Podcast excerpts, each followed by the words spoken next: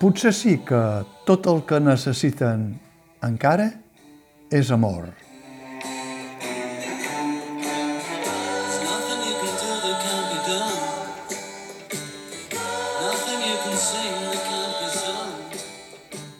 Amb l'obra Love, Love, Love, el dramaturg i guionista Mike Bartlett reflecteix la caiguda en picat de tota una generació, molt centrada en el seu país d'origen, però també amb una visió global del món de l'últim mig segle, la que creix amb l'idealisme dels anys 60 per canviar el món, passant per la primera pantoflada servida per la dama de ferro, fins a les conseqüències del poc anomenat crack del 2008 que encara s'arrossega. La mirada del dramaturg Mike Bartlett és tan punyent com irònica i té la capacitat de llançar els darts a la diana del cor i a la vegada provocar un somriure permanent. Poques vegades una repassada tan autocrítica és rebuda amb una certa cuirassa d'autodefensa maquillada amb el somriure. És com si Bartlett preparés els espectadors perquè fessin com si la cosa no anés amb ells. I el cert és que, sigui quina sigui la generació de cada espectador, pocs se'n salvaran, ni els més veterans ni els més joves, de sentir-se interpel·lats sobre allò que han construït, allò que han heretat i allò que pensen deixar en herència.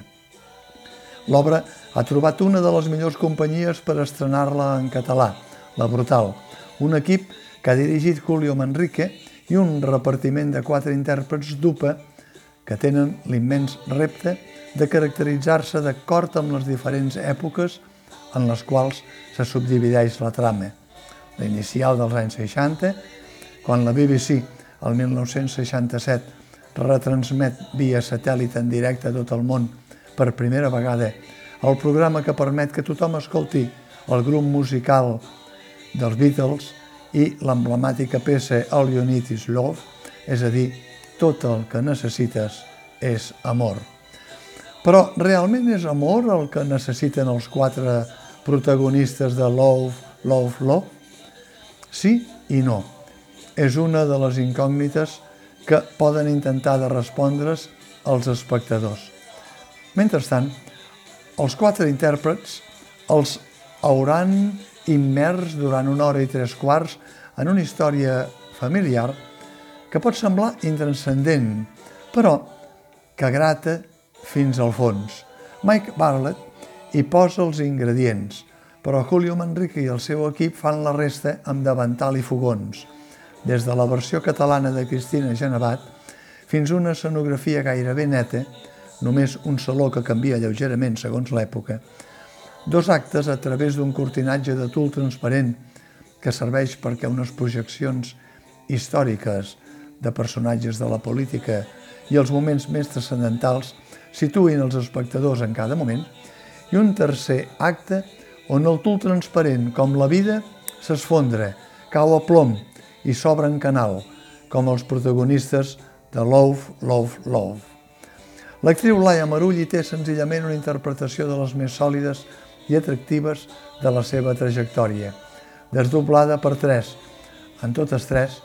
totalment creïble, tant en l'època més idealista dels 60